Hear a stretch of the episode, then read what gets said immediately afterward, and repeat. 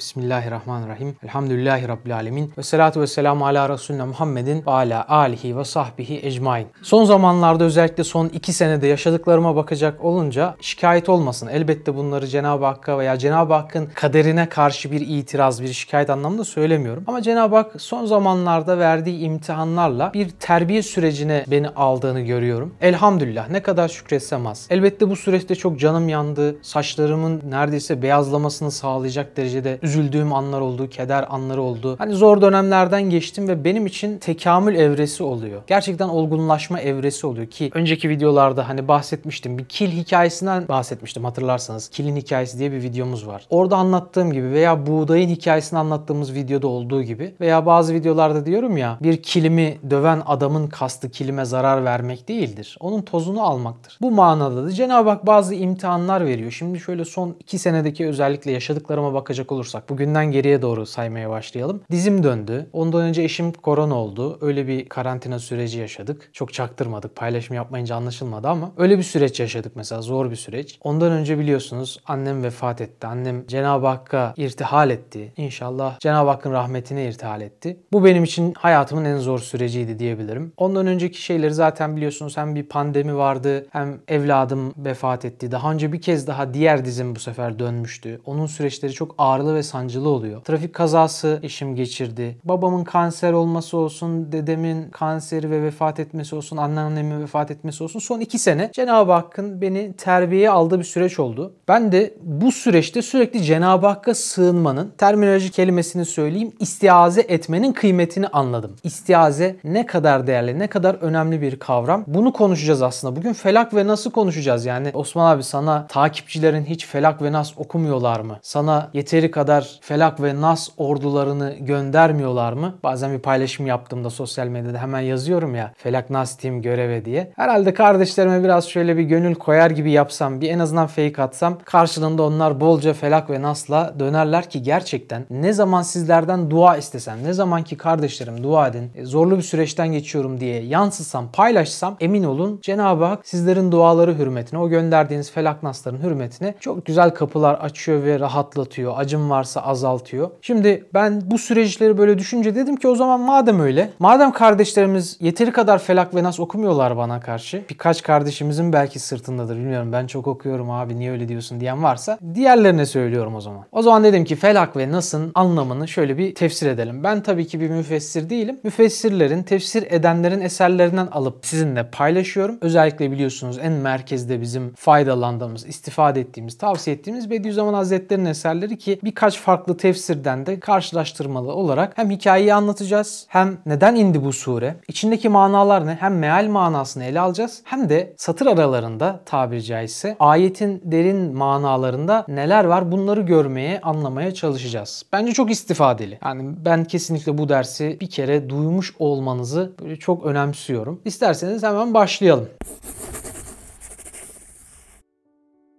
Şimdi insan fıtraten zayıf değil mi? Ama bakıyorsunuz bu zayıflığına, acizine ve fakrına rağmen düşmanları çok fazla. İnsanın çok fazla belalara maruz olduğunu, belalara müptela olduğunu görüyoruz. Mevlana demiş ya kalü belada. Elest bezmi nedir bilir misiniz? Ruhlar aleminde Cenab-ı Hak bizi yarattı. Bizden bir ahdü peyman aldı orada. Biz bir söz verdik. Şimdi o sözü kimler hatırlıyor desen aslında kimse hatırlamıyor. Zaten problem hayatımızla o sözü doğrulamamız. İnsan maalesef hem çok cahil hem çok zalim olabiliyor. Hem sözünü unutmuş, insan nisyandan alınma zaten, nisyana da müptela. Hem de Allah'a karşı ne söz verdiğini hatırlama çabasına da girmiyor. İşte peygamberleri Cenab-ı Hak böyle göndererek bize hatırlatıyor. Bakın ben sizden o kısmı sildim ama siz böyle bir söz verdiniz. Bu söz üzere geldiniz dünya. Neydi o? Cenab-ı Hak dedi ki ben sizin Rabbiniz değil miyim? Ben sizin Rabbiniz miyim diye sormuyor bakın. Ben sizin Rabbiniz değil miyim? Hani ters taraftan bir soru olunca buna tereddüt ediyor ruhlar. Ne desinler? Evet deseler değilsin manası da çıkabilir bundan. Hayır deseler iki manada çıkıyor. Ne diyeceklerini tereddüt edince Efendimiz Aleyhisselatü Vesselam'ın ruhu cevap verdi ve bütün ruhlar onun rehberliğine tabi oldular. Efendimiz ne dedi? Bela. Kalü bela oradan geliyor. Yani bela evet onaylamak anlamında. Evet öylesin. Evet Rabbimizsin manasında. Çok seçkin bir ifade. Mevlana Hazretleri de diyor ki bela dedik belaya düştük. Dünyada da işte belaya bizi düşüren şey orada bela dememizdi. Peki dünyadaki bela nedir? Aslında Cenab-ı Hakk'a yaklaştırma vesilesidir. Cenab-ı Hak sana bir takım imtihanlar, musibetler, sıkıntılar veriyor mu? Seni sevmediği için vermiyor. O verdiği imtihanlar, sıkıntılar seni kendisine yaklaştırma vesileleri aslında. Ve bize bazı şerlere uğradığımız için sığınma aracıları vermiş. Onlar sayesinde Allah'a sığınıyoruz. Kur'an'da muavizeteyn diye geçen Felak ve Nas sureleri bu sığınmanın kilit taşı hükmünde. Her şeye karşı. Şimdi bunlarla ilgili hadisleri de okuyalım. Yani öyle şeyler var ki mesela Ukbe bin Amir'den şöyle bir rivayet var. Efendimiz Aleyhisselam buyurmuş ki bu gece indirilen ayetler var ya onlar gibisi hiç görülmemiştir. Bunlar Kul Euzu bir Rabbil Felak ve Kul Euzu bir Rabbin Nas sureleridir. Felak ve Nas sureleri. Bunlar gibisi görülmemiş diyor Efendimiz Aleyhisselatü Vesselam. Benzeri hiç yok. Kur'an'ın hiçbir yerinde böyle bir sure yok. O kadar kuvvetli, o kadar tesirli. Ve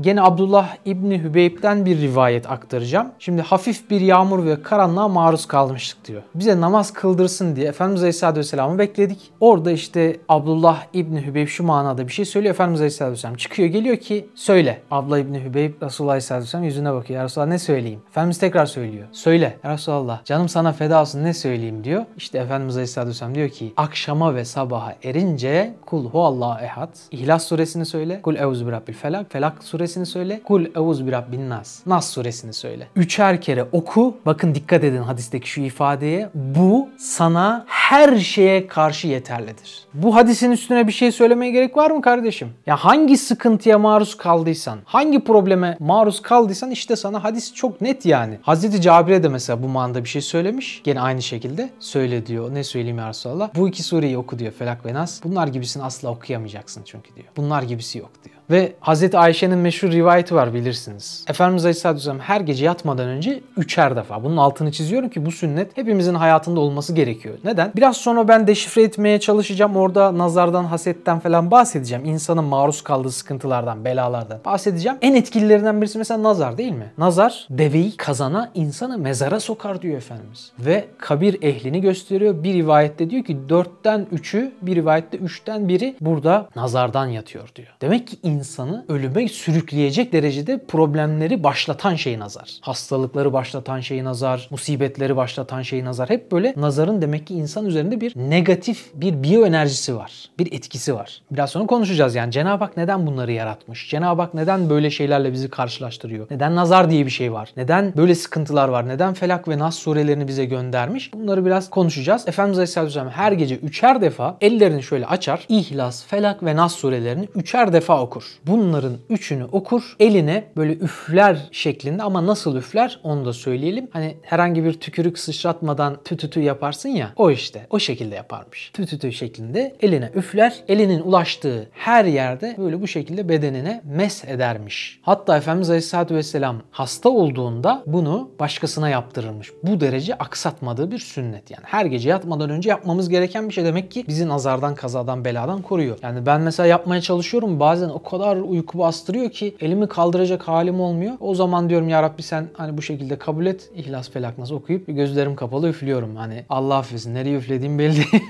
ama Cenab-ı Hak tabi bizi gene korur ama Efendimizin sünnetine birebir ittiba etmek lazım. Neden mesetti vücudunu? Demek ki onun bir hikmeti var. Bir yeri var. Bunu uygulamamız gerekiyor. Çünkü biz arkadaşlar böyle belalara maruz durumdayız. Zaten İhlas suresini ayrıca konuşmak istiyorum. Bugün felak ve nasıl anlatacağım. Çünkü İhlas öyle bir sure ki hani hadis var onunla ilgili. Kur'an'ın üçte biridir diyor. Üç kere İhlas suresi okuyan zaten Kur'an'ı okumuş gibi muazzam bir sevaba ve rahmete mazhar oluyor. Tabi Kur'an'ı üç kere okusan içinde üç kere İhlas olduğu için tabi buradaki mana o keyfiyet anlamındaki bir mana. Hemen böyle uyanık kişiler cımbızlamalar yapıyorlar. Ya bu nasıl mantık? Kur'an'ı üç kere okuyunca üç kere daha İhlas okumuşuz. Altı Kur'an mı okuduk falan. Hayır ya buradaki keyfiyet manası. Bütün Kur'an'ın sevabını e, içinde barındırabilen hani nasıl çekirdekler koskoca Mısır'ın Mısır'ın üstüne kaç tane var? 500 tane var diyelim. 700 tane var diyelim. Bir tane çekirdeğinde 700 tanenin gücü var mı? Var. E şimdi zaten Mısır'ın içinde de o tane var. 700 artı 700. Ha burada Cenab-ı Hakk'ın rahmetinin keyfiyet noktasındaki yoğunluğunu anlayacağız. Ve Efendimiz bunu hem kendisi hem bütün aile fertleri için yapıyor. Hastalandığı zaman özellikle felak ve nasıl sürekli okumuş, eline üflemiş ve bu şekilde sürekli de bunu devam ettirmiş. Çünkü biz sürekli belalara maruz durumdayız yani. Dünya hayatında şöyle bir düşünün. Musibet, imtihan anlamında nelere maruzuz? Şimdi baktığın zaman maddi belalarımız var. Bir de manevi belalarımız var. Maddi belaları siz biliyorsunuz zaten. Bir takım imtihanlar. Bazen afetler. İnsanın başına bir deprem gelebiliyor. Bir göçük altına girebiliyoruz. Allah muhafaza değil mi? Veya bir yanardağ patlıyor. Bir heyelan oluyor. Bir sel oluyor. Yani adam selde boğulan insanların hiçbirisi yani gitsek ahirette sorsak siz böyle bir şey hesap ediyor muydunuz? Hiç kendime kondurmam der. Değil mi? Şu an bizler de kondurmuyoruz ama belki bizim istikbalimizde de böyle bir şey kaderimizde yazılı yani. O yüzden Allah'a sığınmamız lazım. Sığınmaya ihtiyacımız Bak ne kadar acizsin. Şimdi koronayı bir sene, iki ay, üç ay önce bilmiyorduk. Böyle ufacık bir şey ama kaç kişi vefat etti Allah rahmet eylesin. Belki şehadet makamına çıktılar inşallah ama Allah'a sığınma ihtiyacımız olan şeyleri şöyle bir sıralayalım. Maddi hastalıklar var, uzuvlarınızı kaybetme ihtimaliniz var, işinizi kaybedebilirsiniz, eşinizi kaybedebilirsiniz, çocuğunuzu kaybedebilirsiniz. Dünyanın türlü türlü musibetleri var. Herkesin başında ayrı musibet. Herkesin derecesine göre musibetler var. Bir de manevi musibetler var değil mi? İnsanların kendi psikolojik sıkıntıları var, depresyonları var, yaşadıkları girdaplar var, giriyorlar çıkamıyorlar bazı hallerden. İnsan bazen kendi fikirlerinden kurtulamıyor, onun ızdırabına düşüyor. Beyni bir azap aletine dönüşüyor veya bazısının kalbi bir azap aletine dönüşüyor. Geçmişe saplanıyor. Kur'an'dan bir ders alsa halbuki bizim okuduğumuz mesela birkaç cümle bile değil mi? İnsanları ne kadar o durumlardan çıkarıyor. Terapi sayfamızın sayın admini de karşımda zaten. Sayın Doktor İstikbal'in psikiyatr değil mi? İnşallah Allah nasip ederse. Düşün terapi sayfasını işin ehline verdik abi. Daha ne yapalım? Psikiyatr adam bakıyor yani. Tam değil ama ileride psikiyatr olacak.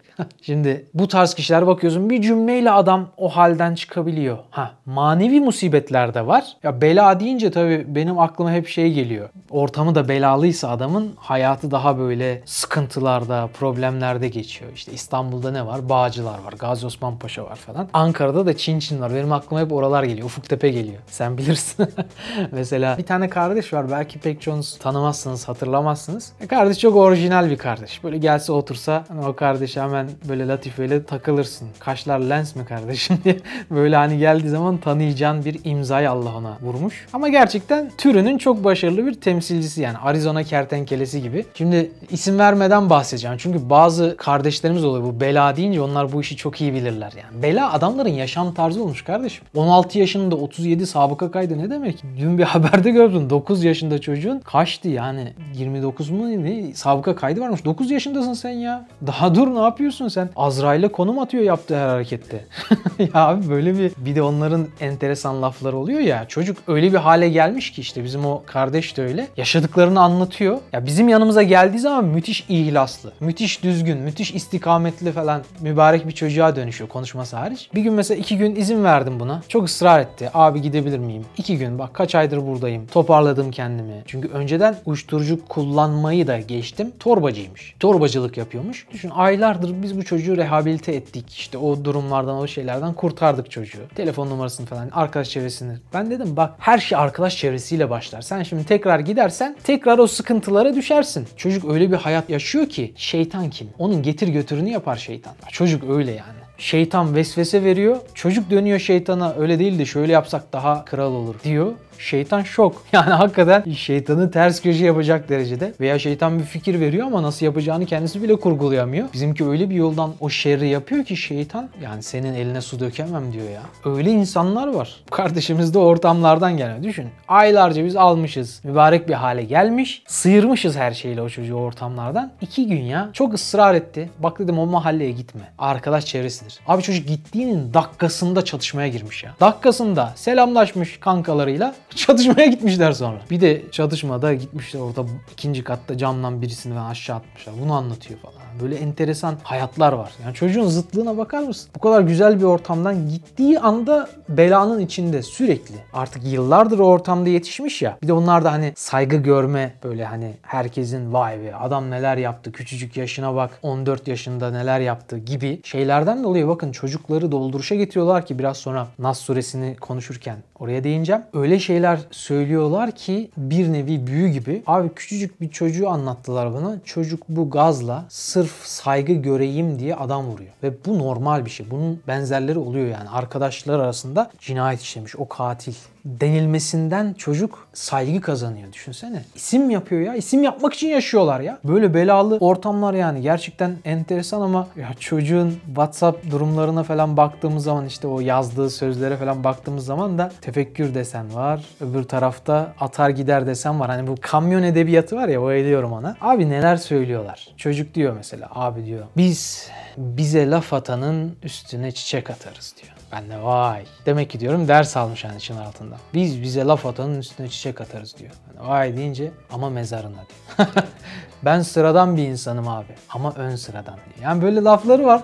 Bu laflar için yaşıyorlar sanki. Sürekli bunları böyle WhatsApp güncellemelerini unutmuyorum. Sürekli Allah selamet versin. Gerçekten enteresan hani o şey laflar var ya. Çok ateş eden var ama ben sana vuruldum. Kime yazdım bunu diyorum.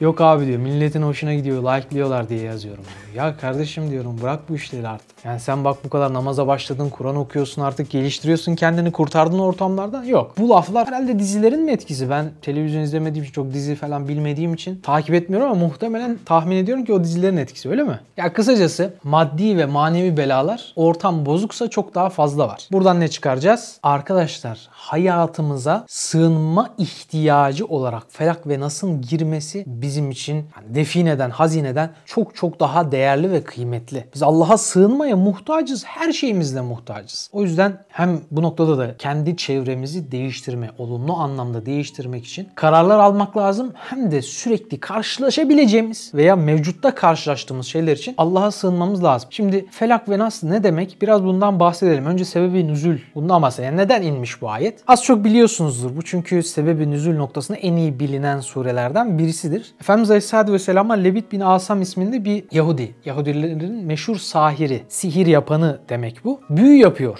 Efendimiz Aleyhisselatü Vesselam bir rivayete göre kızlarıyla bunu yaptırıyor. Bir rivayete göre bir tane Efendimiz Aleyhisselatü Vesselam'a hizmet eden, mescidi temizleyen bir çocuk var. Bu çocuk Yahudi. Babası Yahudi daha doğrusu. Hani bu hikayelerde anlatılan, bizim de daha önce bir videoda anlattığımız son nefesinde Efendimizin koşup yetişip iman etmesine vesile olduğu çocuk var ya. Allahu alem o. Bu çocuğu kullanarak Efendimiz Aleyhisselatü Vesselam'ın saçlarından parçalar alıyorlar. Efendimiz'e bir büyü yapıyorlar. Efendimiz de büyüyü hem Cebrail Aleyhisselam vasıtasıyla hem ondan önce iki tane meleğin bir başka rivayette hani cini olarak da geçiyor ama iki tane melek olduğu görüşte hakim. İki tane meleğin gelip bu kişiye ne olmuş bu zata ne olmuş diye aralarında konuşması Allah ona bildiriyor. Sonra zaten Cebrail Aleyhisselam durumu izah ediyor. Efendimiz Aleyhisselatü Vesselam büyülerin en şiddetlisiyle büyülendi. Ona büyü yaptılar, sihir yaptılar. Hani sihir hak mı meselesine gelecek olursak zaten Bakara suresinin 102. ayetinde Harut ve Marut'tan bahsedilen kısımlarla ilgili hani ufak bir araştırma yaparsanız bilirsiniz. Harut ve Marut Süleyman Aleyhisselam zamanında gelmişti. Süleyman Aleyhisselam'ın mucizelerine sihir isnat ediyorlardı. Onun sihir olduğunu söylüyorlardı. Ama Süleyman Aleyhisselam onların sihir olmadığını onlara anlatıyordu. Fakat ısrarla inat ediyorlardı. Allah da sihirle mucize arasındaki farkı ders vermek üzere Harut ve Marut isminde iki tane meleğini insan suretine gönderdi. Onlar da hayırlı dersler verdiler. Hayır öğrettiler ki melekler hayırdan başka bir şeyle meşgul olmazlar. Ama insanlar o öğrendikleri ilimleri Harut ve Marut onları uyarmasına rağmen biz sizin için bir imtihan vesilesiyiz. Bakın sihir şeyden çok ayrıdır diye iki tane alim suretinde böyle melek anlattılar ama onlar bu imtihanı idrak etmeyip öğrendiklerini değiştirerek, bozarak büyüye çevirdiler. Büyü yapmayı buldular. Ve bu şekilde karı ile koca arasını açan, insanı bir takım hastalıklara sevk eden, bir takım yanlış yanılsamalara sevk eden büyüler yaptılar. Efendimiz Aleyhisselatü Vesselam da ailesiyle olan irtibatında bir takım yanılsamalar yaşıyordu. Detayını siz de araştırabilirsiniz ve bir yandan da vücudu fiziken erimeye başlamıştı. Efendimiz gün geçtikçe böyle biraz e, zayıflıyor, biraz halsizleşiyordu ve bir takım şeyleri bu tarzda yanlış hatırlıyordu. Ve böyle olunca iki melek geldi. Birisi Efendimizin baş ucuna oturdu, öbürsü karşıda. Bu zaten olmuş diye birisi öbürsüne sordu. O da dedi ki Lebit bin Asam diye birisi geldi, onun saçını aldı, bir tarağa doladı, 11 defa düğüm yaptı, o düğümlere üfledi. Sonra bir kuyuya attı, Zervan isminde bir kuyuya attı. Orada insanların su almak için bastığı bir taş var, onun altına gizlemiş. Ona kadar tarif ediyor. Ve bir de bal mumundan bir heykel tarzı bir şey yapıyor. Ona da iğneler saplıyor. Bal mumu eridikçe insan eriyor. Böyle bir büyü yapmışlar. Bu şekilde tarif edince Cebrail Aleyhisselam da geliyor. Yerini söylüyor. Efendimiz Aleyhisselam Hazreti Ali'yi gönderiyor ki bu zaten 19. mektupta da geçiyor. Hazreti Ali gönderiyor. Onu çıkarıyorlar oradan. Cebrail Aleyhisselam vasıtasıyla Felak ve Nas sureleri inzal oluyor. Efendimiz Felak ve Nas surelerinin toplam ayet sayısı kaç? 11. 6 Nas suresinde 5 Felak suresinde toplam 11 ayet okuyor. Her bir ayette bir düğüm çözülüyor. Her düğüm çözüldüğünde Efendimiz biraz daha rahatlıyor. Sonra sureler bitince Efendimiz komple rahatlıyor. Bismillahirrahmanirrahim. Kul euzu bi rabbil felak min şerri ma halak ve min şerri gasikin iza vakab ve min şerri neffasat fil ugad ve min şerri hasidin iza hasad. Bismillahirrahmanirrahim. Kul euzu bi rabbin nas, melikin nas, ilahin nas, min şerril vesvasil hannas, ellezi yuvesvisu fi sudurin nas, minel cinneti ven nas. Şimdi ben meal manalarını da vereceğim ve bu kuyudan çıkartılıyor. Enteresan bir şey söyleyeceğim. Efendimiz Aleyhisselatü Vesselam asla o büyüyü yapan Lebit bin Asam'a veya başkalarına bir ceza tatbik etmemiş. İntikam almamış biliyor musunuz? Efendimiz asla şahsına yönelik şeylerde ne intikam alırdı ne de o kişiye bir kötülük yapardı. Elinden bir şey geldiğinde hayır gelsin diye. O kişi zaten hani Allah tarafından bir ceza takdir edilmişse Allah ona ahirette verecek. Ben rahmet üzere gönderildim der ve insanları kazanmaya çalışırdı. Ki Allahu alem dediğim gibi o çocuk son nefesinde iman etmişti zaten o hizmetkar. Yani Efendimizin saçlarını almış, tarağı dolamış ve bu şekilde 11 düğümü de yapmış Lebit bin Asam. Şimdi bu Felak suresine bakıyoruz biraz daha hem maddi hem manevi ama daha çok maddi bir koruma. Nas suresinde daha çok manevi bir koruma, enfüsi bir koruma var. Ayet meallerine gelecek olursak önce Felak suresinden bir başlayalım. Felak suresinde ne diyor? De ki sabahın Rabbine sığınırım. Sabahın Rabbine. Kul euzu bi rabbil felak. Biraz sonra açıklayacağım. Kendimi çıkardığım bir takım notlar var. Bir takım nazarıma ilişen şeyler var. Bir takım tefsirlerde okuduğum şeyler var. Onları harmanlayarak birkaç şey söyleyeceğim. Ama gerçekten çok ilginç. Önce bir meal manasını tam vereyim istiyorum araya girmeden. De ki sabahın Rabbine sığınırım. Yarattığı şeylerden gelebilecek kötülüklerden, karanlığı çöktüğü zaman gecenin şerrinden, düğümlere üfürenlerin şerrinden, bir de kıskandığı vakit kıskanç kişinin şerrinden. Bu Felak suresinin tefsiri. Bir de Nas suresinin tefsirine gelelim. De ki gene kul ile başlıyor. Cinlerden olsun, insanlardan olsun, insanların kalplerine vesvese sokan sinsi şeytanın şerrinden insanların Rabbine, insanların malikine, insanların hakimine sığınırım diyor. Şimdi surelerin manaları çok harika. Felak suresiyle başlayalım. Kul euzu bi rabbil felak diyor. Felakın en yaygın manası nedir? Bilen var mı? Aydınlık demektir. Sabahın aydınlığı. Şimdi burada bizim için çok büyük bir mana var. Tabi bu kelimenin çıkış yeri de önemli. Ne diyor? Yarmak ve çatlatmak manasındadır diyor. Tefsirlere baktığımız zaman. Hani falikül hab diyoruz ya. Bir tohumun çatlamasında biz felk kökünden gelen kelimeyi kullanıyoruz. Felak da buradan çıkıyor ortaya. Yani bir tohumun çatlaması gibi, bir sabahın olması gibi, bir kapalılığın, bir daralmanın, bir sıkıntının, bir karanlığın peşinden hayra bir davet. Öyle bir sığınma şekli. Bir açılmaya, bir ferahlığa bir davet. Öyle bir sığınma şekli. Bir aydınlanmaya, bir nura bir davet. Böyle bir sığınma şekli var. Ve ikinci ayetle birleştirdiğimizde zaten şöyle bir mana açığa çıkıyor. Ne diyor? Kul euzu bi rabbil felak min şerri ma halak. Yarattıklarının şerrinden diyor. Yarattıklarının deyince Allah neleri yarattıysa. Peki bütün yaratılanların, alemi meşhudun şöyle bir portresine baktığımızda, kainatın yaratılışına gittiğimizde onun bir çekirdekten patlaması, çatlaması ve felak kelimesinin kökünden yola gidelim. İnfilak etmesi. Anladık mı bağlantıyı? Ne anladık? Big Bang. Burada ona bir işaret var. Büyük patlama dediğimiz kainatın ilk yaratılışına bir işaret var. Yani kainatın her şeyinden, kainatın içinde ne varsa hepsinden, hepsinin şerrinden Allah'a sığınmak ve burada ifade ederken de kainatın bir tohumdan patlamayla, çatlamayla ortaya çıktığını ifade etmek. Kul euzu bi rabbil felak min şerri halak diyor. Ve tabii ki felak kelimesinin aydınlık demek olması ne mana çıkarıyoruz buradan? Yokluk karanlıklarından varlık nuruna çıkardı Allah değil mi? Bu çok önemli. Yokluk karanlıklarından varlık nuruna erdirdi. Rab dediğimiz zaman terbiye eden yani emrine itaat ettiren yani kainatı evirip çeviren her sözüne lebbeyk, her emrine olur dedirten. Kün feyekünün sahibi. Yani ol der, olu verir. Oradaki feyekün, fe just keep'i gibi İngilizce'deki. Yani ol der, olu ver. Arada bir zaman farkı yok yani. Dediği anda olur her şey. Arada bir zaman kaybı, bir bekleme. Hani ol dedi 5 dakika sonra oldu falan yok. Ol der, olu verir. İşte kainatın Rabbi dediğin zaman her şeyi emrinde tutan, her şeyi kudretinde tutan Rab kelimesinin altına vurgu yapıyorum. Özellikle Nas suresinin başında bunu söyleyeceğim. Şerre uğradığımız, musibete uğradığımız şeylerin büyük bir kısmı çünkü Allah'ın itaatine karşı bir isyan pozisyonunda olabiliyor. Bu çok önemli. O yüzden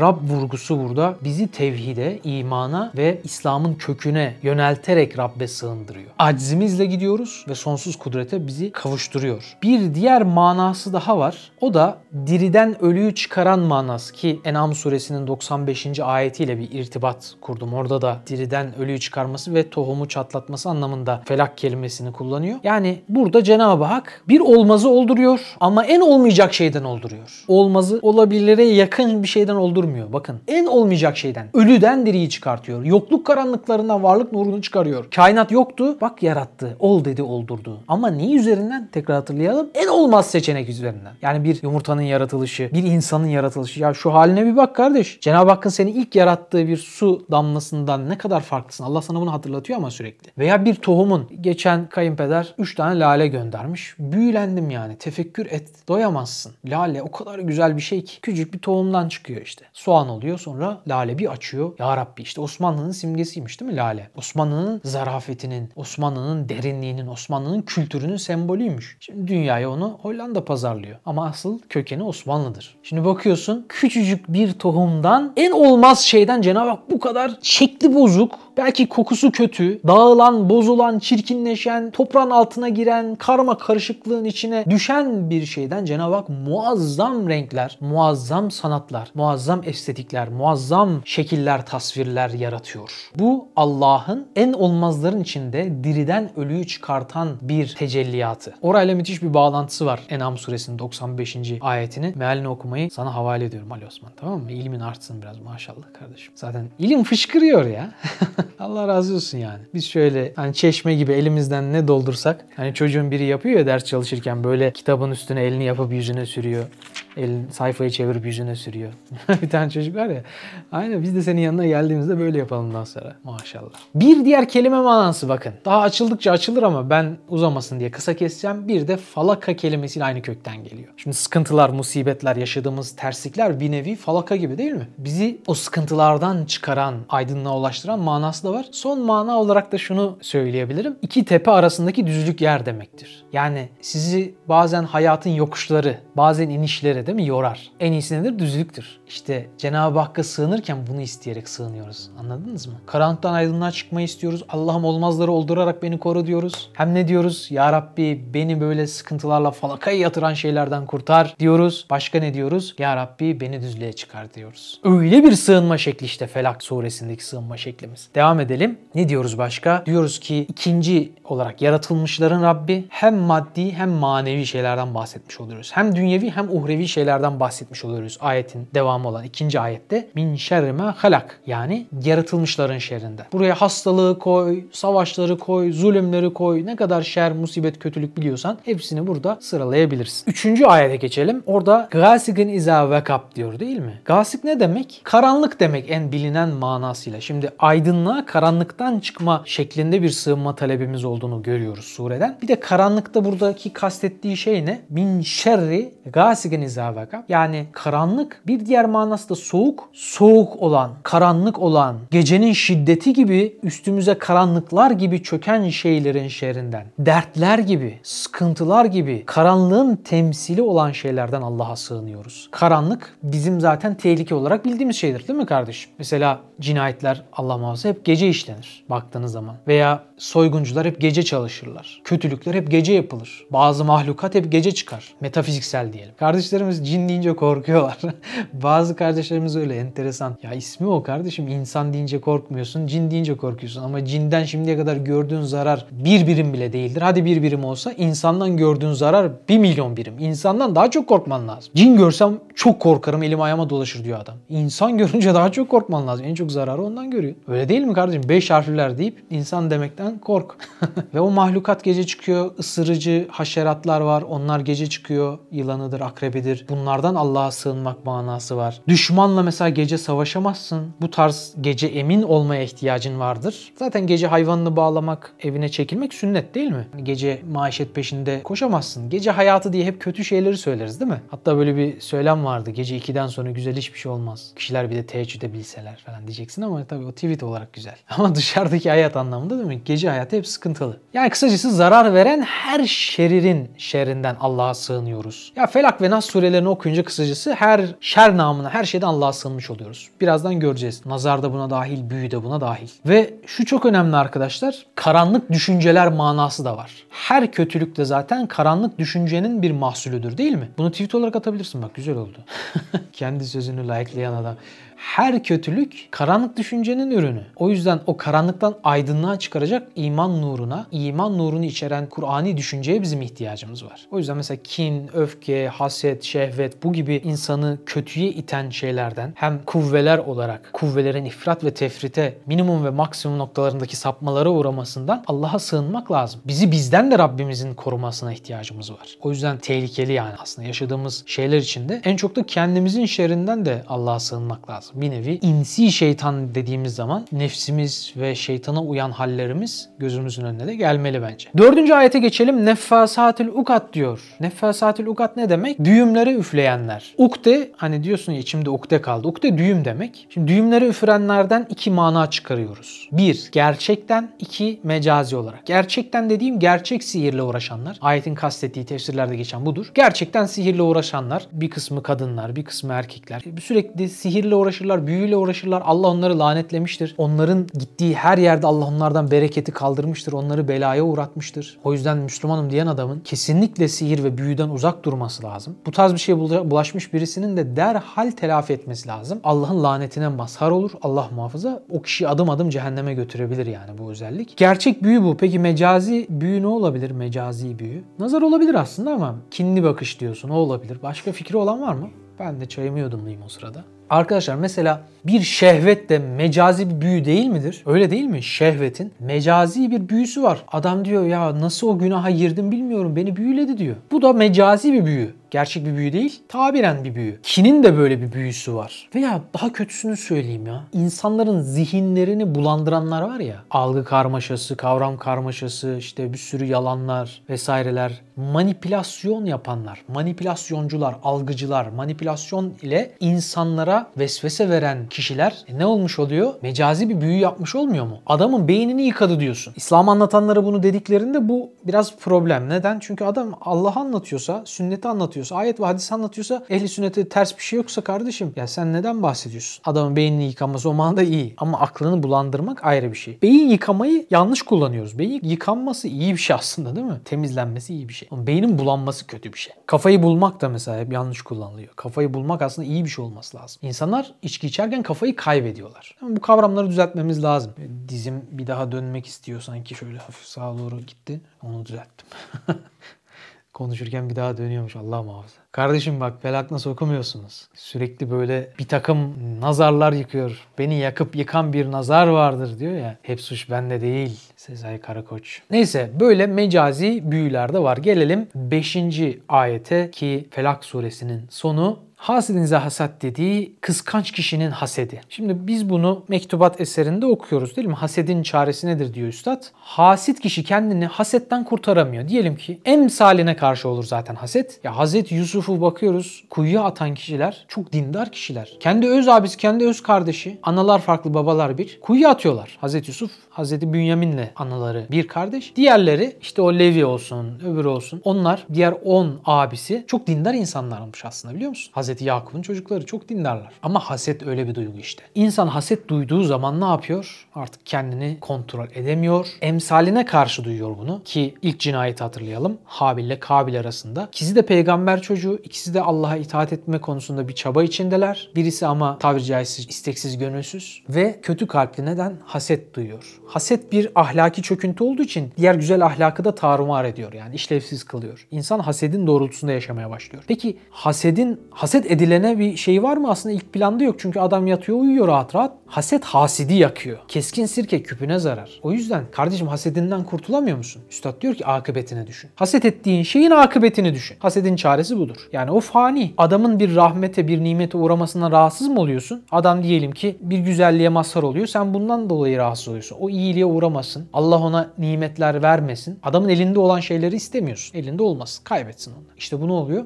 Bu haset seni yakıyor. Ne yapacaksın? Akıbet akıbetini düşüneceksin. Arabasından dolayı mı haset duyuyorsun? Arabanın akıbetini düşün ya. Fani. 5 sene kullanacak onu. 5 sene sonra hatta 3 sene sonra eskiyecek. Bir hafta sonra zaten adamın da hevesi kalmayacak. Elde etseydin senin de bir hafta sonra hevesin kalmayacaktı. Yani süsüne aldanma. Dışı süs olabilir ama içi pis dünya nimetlerinin. Allah'a bakmıyorsa, yönü Allah'a dönük değilse, insan Allah'tan uzaklaştıran bir tarafa dönükse. Bu arada arkadaşlar herkesin kıskananı var ha. Hiç kimse kendini bu konuda Allah'a sığınmaya ihtiyacım yok ben iyiyim gayet kral yaşıyorum demesin. Bakın Efendimiz ne dedi? Hem nazarda hem hasette. Herkesin haset edeni var, herkesin kıskananı var. Emin olun. Ya abi ben zaten çirkin bir adamım, mal varlığım da yok deme ya.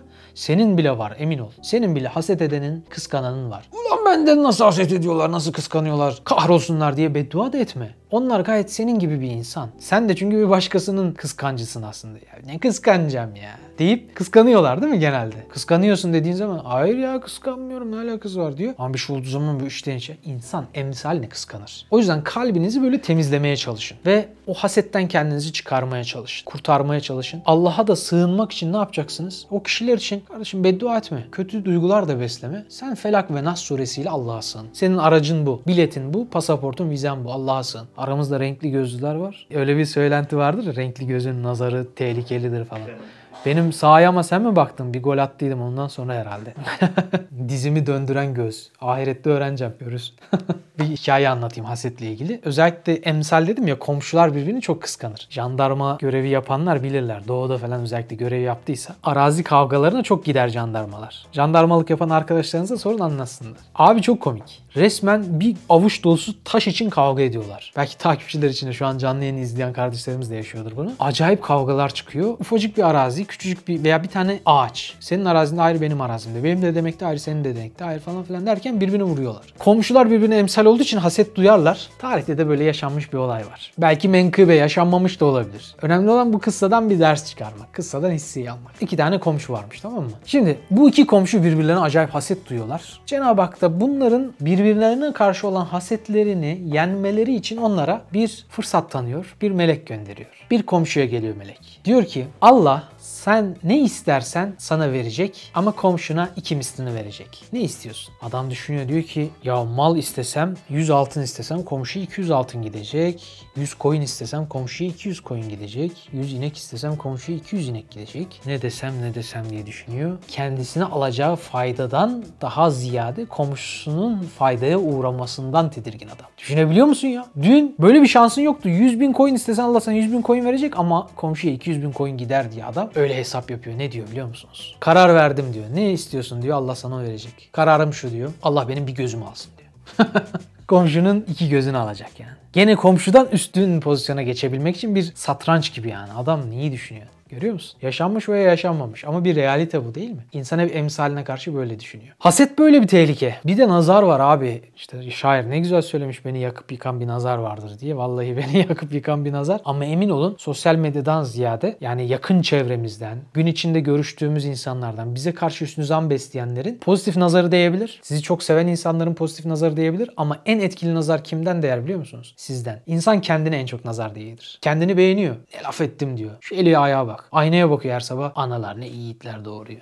Adam aynaya bakıyor. Analar ne aslanlar doğuruyor. Hey yavrum. Asalete bak falan. Adam aynayla konuşuyor ya böyle kendiyle. Kendini beğeniyor abi. Gerçekten de insanlar kendine çok nazar değdiriyorlar. Farkında olsun olmasın. Ben bir kere bir kıyafet almıştım. Çok net hatırlıyorum. Okula giydim. Okula giderken giydim o kıyafeti gömleğin üstüne. Çok da böyle severek giyersin ya. Bir kişi aa kazan ne güzelmiş dedi. Ben de baktım. Lan hakikaten ne güzel kazak ya dedim. 5 adım falan yürüdüm. Dönerken abi kapının kenarında bir çivi çıkmış. Oraya bir takıldı. Cart. Gitti kazak ya. Canımdan can gitti abi. O zaman nerede ürün değişimi bilgisi falan gitti. O şekilde iptal oldu kazak. Şimdi nazar çok etkili. İnsanın kendine de yedirdiği nazar çok etkili. Bazı insanların da nazarı çok acayip abi. Böyle Instagram'da mı bilmiyorum bir uygulamada böyle bir şey var ya filtre. Adamın gözünden böyle nazarlar çıkıyor. Onunla video çekiyorlar. Çok hoşuma gidiyor.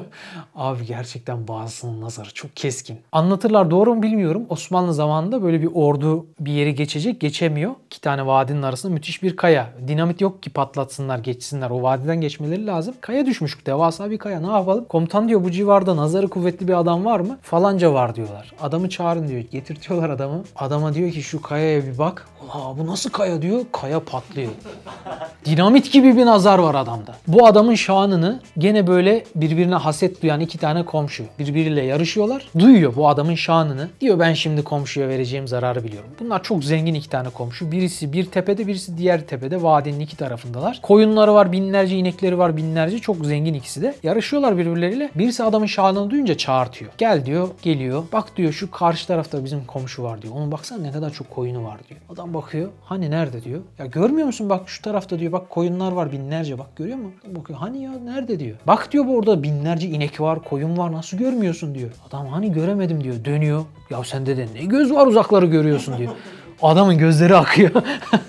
işte ya haset döner seni bulur kardeşim. O yüzden başkasına gönderdiğin negatif enerjiye dikkat et. Ve geçelim Nas suresine. Nas suresinin de başında ne diyor? Kul euzu bi rabbin nas, melikin nas, ilahin nas. Rab, melik ve ilah dedi. Bu üçü çok önemli bir şifre. Bu şifrelerle biz Allah'a yöneliyoruz. Bu şifrelerin makablinde veya şöyle diyelim bu şifrelerin negatif tarafında ne var biliyor musunuz? Arkadaşlar Firavun var. Çünkü Kur'an'da Firavun'un geçtiği muhtelif ayetler var biliyorsunuz. Onlarca ayette geçiyor ve onun ifadeleri geçiyor Kur'an'da. Üç yerde bu şekilde ifadeler var. Birinde diyor ki ben sizin Rabbiniz değil miyim? Firavun söylüyor. Ben sizin Rabbinizim diyor. İkincisinde ben sizin malikinizim diyor. Melikin nas işte. Malikin ya öyle bir iddiada. Allah'ın sahip olduğu vasıf ve sıfatları kendi üstüne alma çabası bak. Üçüncüsünde ne diyor? Ben size ilahım. Benden başka ilah tanımıyorum diyor. Sizin üzerinizde benden başka ilah tanımıyorum diyor. İşte bu Allah'ın düşmanlarının, şerlilerin, zalimlerin iddialarını, şer üretmelerine sebep olan o zihniyetlerini tokatlayan, onların tam ortasında onları delip geçen ve bizi hakka vasıl eden tevhid yolu yolunun şifreleri. Bunlarla Allah'a sığınıyoruz. O yüzden Nas suresi de Felak suresi gibi çok büyük bir kuvvetle, yüksek bir oktavla, yüksek bir frekansla başlıyor. Bunları tabiri caizse paramparça eden bir fikriyat. Devam edelim. Ne diyor? Kul euzu bi rabbil nas, melikin nas, ilahin nas, min şerril vesvasil hannas. Vesvese veren hannaslardan Allah'a sığınıyoruz değil mi? Onların şerrinden Allah'a sığınıyoruz. Ellezi onlar ki ellezi yuvesvisu fi sudurin nas. Sudur ne demek? Sadır. Onların sadırlarına vesvese veriyor onlar.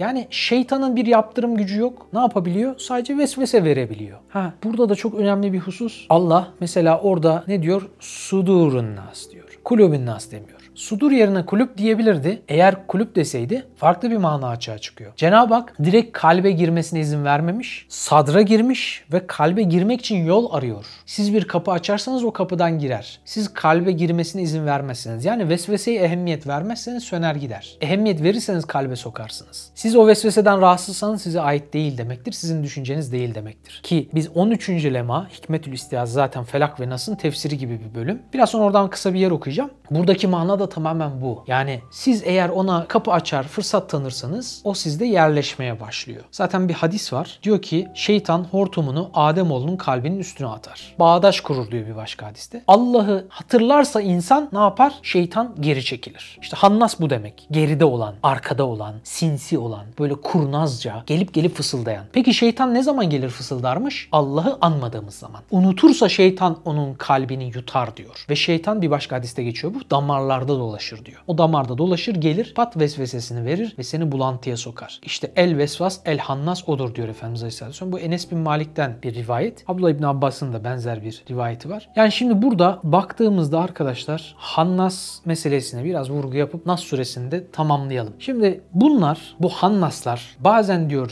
cinni surette, şeytani surette bazen insani suretteler. Demek ki insan şeytanlar da var. Bu hannaslar ne yapıyor? Bunların özellikleri dessas olmaları. Kendi kendilerini gizlemeleri, sureti haktan görünmeleri, bir Müslümanın aleyhinde bulunuyor, onu kötülüyor, işi gücü kötülemek, o Müslümanı kötüle, bunu batır, onu yerin dibine sok. Bakın hakiki alimleri, güzel alimleri hiç Müslümanları kötülemezler. İşleri güçleri Allah anlatmaktır, ahireti anlatmaktır. Birbirleriyle çekişenler müspet hareket edemezler. Birileriyle sürekli çekişme halinde olanlara bakın. Ya prim yapma peşindedir, ya kendini pazarlama peşindedir ya da fitne peşindedir. Kendini gizlemiştir. İki ayet söyler ama peşinden o ayet onun nedir? İşini yapması için paravan paravanıdır. Hannas'ın işi budur. Bu paravanı kullanır. Bu paravanın arkasına işte ayet söylüyorum bak, hadis söylüyorum bak der. Ama ayetlerin bazılarına da çok ters olan müminlerin aleyhinde bulunur. Allah kesinlikle yasaklamış. Müminlerin aleyhinde bulunmayın. Peki Hannas'ın özelliklerini bir sayalım. Bunlar nedir mesela? Bunlar laf kovucudur. Laf taşırlar insanlar arasında. Fitne çıkarırlar. Suizana sebep olurlar. Kötü zanlar doğururlar. Cımbızlama yaparlar. Sen bir saat bir şey söylersin. Oradan bir cümle onu da capsler yaparak değişik anlamlar yüklersin. Zannedilir ki o bambaşka bir şey söyledin. Halbuki sen öyle bir şey hiç söylemedin. O manada bir şey söylemiş. Bambaşka bir şey anlatıyorsun sen orada. Bambaşka bir konuyu anlatıyorsun. Ama cımbızcı işte bu adamın özelliği. Hannas. Hannas'ın özelliği. Karanlıkta çalışır. Rutubeti sever. Suslu puslu havaları sever. Darbeleri, saldırıları, bir takım pusuları sever. Arkadan saldırmayı sever. Mertçe çıkıp ortak bir şeyde hani güzelce kırmadan dökmeden söylemek değil de saldırmak, vurmak, kırmak, tahrip etmek. Amacı budur. Başka nedir? Kulis yapar. Tenkit eder. Sürekli tenkit. İşi gücü tenkittir.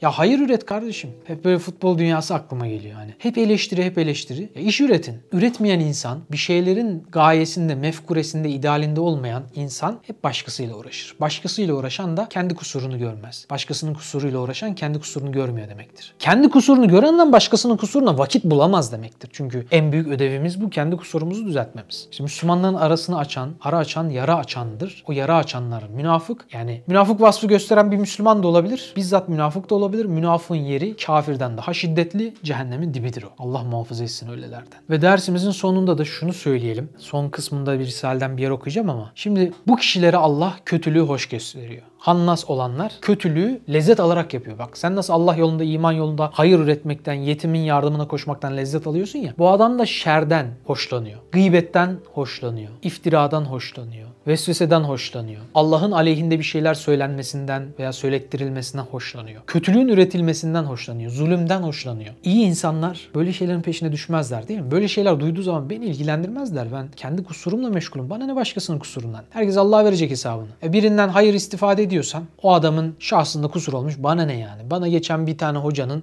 bir kusurunu söylüyorlar. Büyük bir günah işlemiş falan filan. İnanmadım. Ya velev ki öyle bir şey gerçekten olsa bana ne dedim ya Allah'la onun arasında tövbe eder Allah affeder. Bir videoya tıkladığım zaman o hocanın ne sakalına bakıyorum ne hocanın başındaki sarığa bakıyorum emin olun. Onun kendi ibadetidir. Niyetini Allah bilir. Ben o hocanın anlattığından bana fayda var mı ona bakıyorum. Ama ayete hadise uygun konuşuyorsa ne hala alırsın. Huz masafa damak eder. Fayda veriyorsa al. 10 cümlesinden birini beğenmedin. Olabilir abi. Ben dinlediğim bütün hocaların %100 her şeyini kabul etmiyorum. Olabilir yani. Bazı görüşleri kendine ait olabiliyor. Cumhur ulemaya ters olabiliyor. Ama o adama karşı bakışım düşmez benim. Her alimin vardır. Bütün hocalardan farklı olduğu bir konu, farklı düşündüğü bir konu, isabet edemediği bir konu. E ben diğer konuları kesip atacak mıyım? Hayır. Ben ondan maksimum istifadeye bakarım abi. Kaldı ki hayır noktasında kendimizi çok daha aşağı görmeliyiz yani. Biz ne yaptık ki başkalarının lafı bize düşsün? Evet, laf kovuculuk dediğim zaman bunu laf kovuculukla ilgili hadisler diye Google'a yazın siz aratın. Ben daha başka bir şey söylemiyorum. O kadar çok peygamberimizin şiddetle sakındırdığı bir şey ki. Ha bir de şunu son olarak söyleyeyim demiştim onu tamamlayayım. Fatiha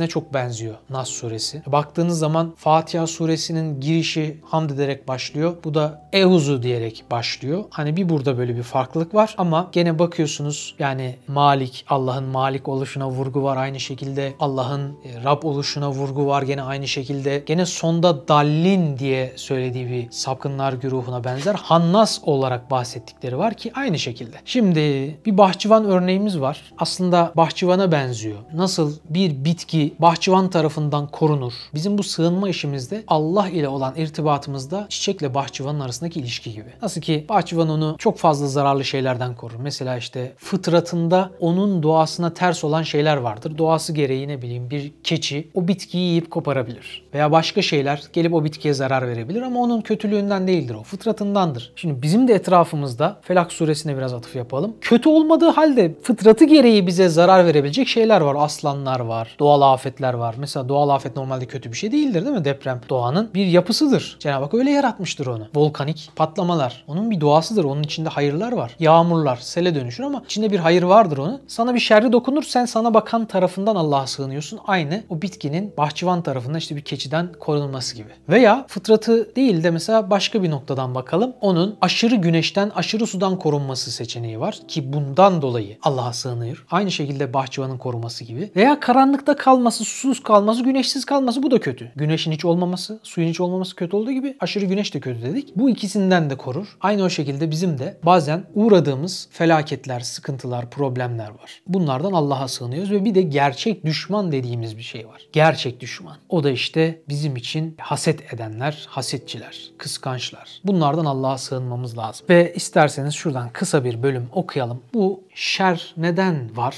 13. lemada bundan bahsediliyor. İnsanı Allah'a yaklaştırdığı ve o sığınma neticesinde insanla Allah arasında bu çiçekle bahçıvan arasında olduğu gibi bir karabet, bir bağ oluşması. İnsan bu musibetlere maruz olmasa Allah'a yönelmez belki de. Bu musibetler insanı Allah'a sığınma ihtiyacına sevk ediyor. Aslında halkı şer şer değildir, kesbi şer şerdir. Yani bir şerin yaratılması şer değil, onun tatbik edilmesi şerdir. Mesela bıçağın üretilmesi şer midir? Hayır. Onu üreten firma cinayet işlense bundan mesul değildir. Veya bir kibriti üreten bir şirket var diyelim. Adam onu çaktı, ormanı yaktı. Ondan mesuliyet şirkete ait midir? Hayır. O kibrit üreten de değil. Onu yanlış yerde kullanandadır. Şerri de insan şeytandan vesvese alarak, şeytanın bu arada vesveseden başka gücü yok, yaptırım gücü yok. Yaptığı nedir? O şerri hayata sokmaktır. Mesuliyet bu noktada insana ait. E, yaklaşık 15 tane tane belki 20 tane soruya cevap veriliyor 13. lemada. Ben sadece e, neden bu şeytan güruhu daha galip ondan bahsedeceğim. Diyor ki sürekli bu ehli hak Allah'a neden sığınıyor ve neden pek çok noktada bu şerre mağlup oluyorlar ve yenik düşüyorlar. Hikmeti ve sırrı şudur ki ekseriyet mutlaka ile dalalet ve şer menfidir ve tahriptir ve ademidir ve bozmaktır. Tahriptir o şerler, o belalar var ya işte etrafımızda. Bunların kökeninde ne varmış? Tahrip ve bozmak varmış. Ve ekseriyet ekseriyet mutlaka ile yani genel olarak baktığımızda hidayet ve hayır da müsbettir, hayırdır, vücududur, imar ve tamirdir. Herkesce malumdur ki 20 adamın 20 günde yaptığı bir binayı bir adam bir günde tahrip eder. Tahripte elimiz uzun, tamirde elimiz kısa. Bir adama zarar vermek istiyorsan 100 metre uzaktan taş atabiliyorsun ama tamir etmek istiyorsan yanına kadar gitmen lazım ki başını sargıyla sarasın, yara bandı takasın değil mi? Tahripte elimiz uzun. 100 adam diyelim hatta bunu. 20'den 100'e çıkaralım. 100 adam bir yıl boyunca uğraşıyor bir bina yapıyor. Bir adam bir dakikada bir tuşa basarak o binayı yıkıyor. Tahrip gücümüz yüksek, tamir gücümüz kısa. O yüzden bu şer güçleri, bu dünyanın başına bela namına işte katiller, cinayetler, namus suçları, zulümler, her türlü işkenceler dünyaya baktığın zaman dünyada hep böyle şeyler var. Hakim bunlar gibi görünüyor değil mi? Aslında şerirler tahrip gücü yüksek olduğu için çok görünüyorlar. Aslında hayır gayretinde olanlar daha fazla. Hayrın kalite olarak üstünlüğü var. Ama şer işte bomba, tahrip gücü yüksek. Mesela insanın yaşayabilmesi için kaç tane uzva ihtiyacı var? Kaç tane farklı etkenin aynı anda doğru işlemesi gerekiyor? Ama bunlardan bir tanesi yerinden çıksa, bir tane uzvunu kaybetsen ölüm noktasına insan düşebiliyor. Değil mi? O yüzden bizim tahripte uzun olan elimizi istiğfar ile kısaltmamız, felak ve nas ile onların şerrinden de Allah'a sığınmamız lazım. Tamirde kısa olan elimizi de dua ile uzatmamız lazım. Rabbim her türlü şerirlerin şerrinden bizi muhafaza eylesin. Felak ve Nas surelerinin korumasından da bizi ayırmasın. Subhaneke la ilme lena illa ma allamtena inneke entel alimul hakim. Ve ahiru davamın elhamdülillahi rabbil alemin. El. Osman Sungur Yekin'in beklenen kitabı çıktı. Bir gün Anneler de Gider adlı kitabını kitapyurdu.com ve Nüve Design sayfalarından temin edebilirsiniz.